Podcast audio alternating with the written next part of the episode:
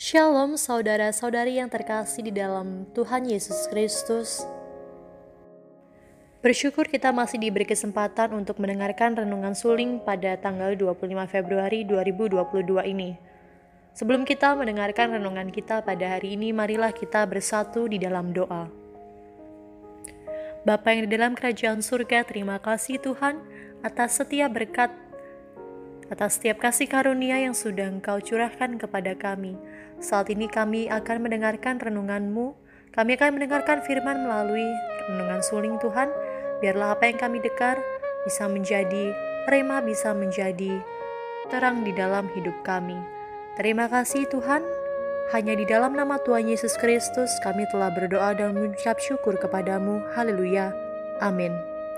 Saudara-saudari yang terkasih di dalam Tuhan, Renungan kita pada hari ini diambil dari Kisah Para Rasul 3 ayat 1 sampai 48. Dengan judul pentingnya menyadari kehendak Allah. Kisah Para Rasul 10 ayat 15. Lalu mulailah Petrus berbicara.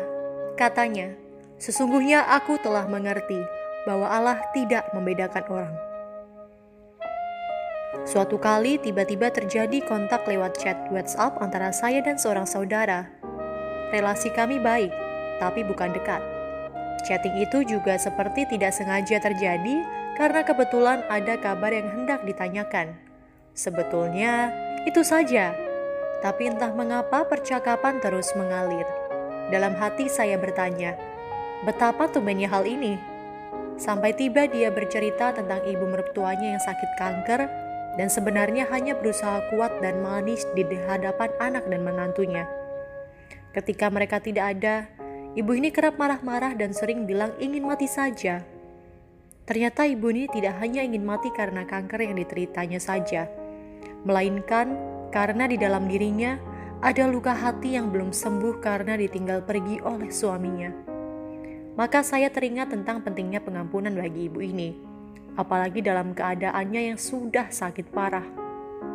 Saya sampaikan mungkin tugasnya dan istri, bicara pada ibu mertua dan membantu beliau menyelesaikan masalah dosa belum mengampuni suami tersebut.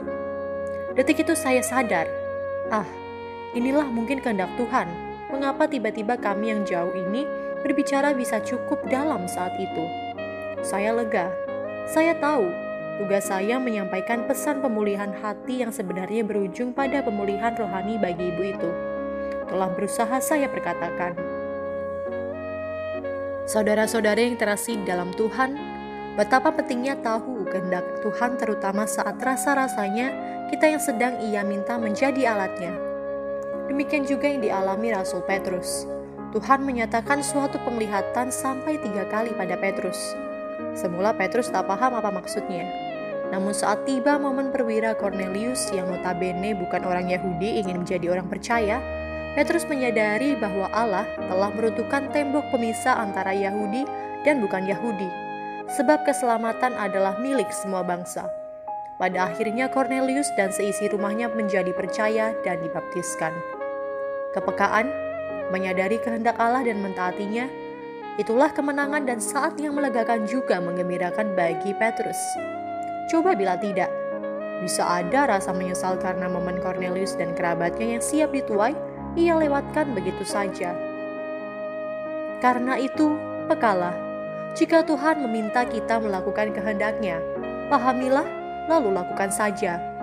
Jika kita setia dalam kehendak Tuhan yang sederhana atau kecil, ia akan mengikut sertakan kita dalam kehendak dan rancangannya yang lebih besar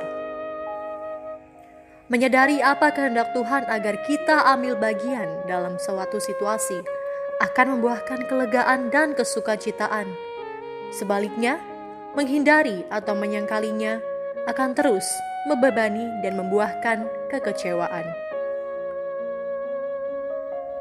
Saudara-saudari yang terkasih di dalam Tuhan, mari kita bawa dalam doa kita hari ini untuk berdoa pelayanan di BPW Ampel berdoa untuk kebutuhan gembala dan perkembangan jemaat di BPW Ampel. Demikian renungan suling pada hari ini, kiranya menjadi berkat untuk kita semua. Tuhan Yesus memberkati.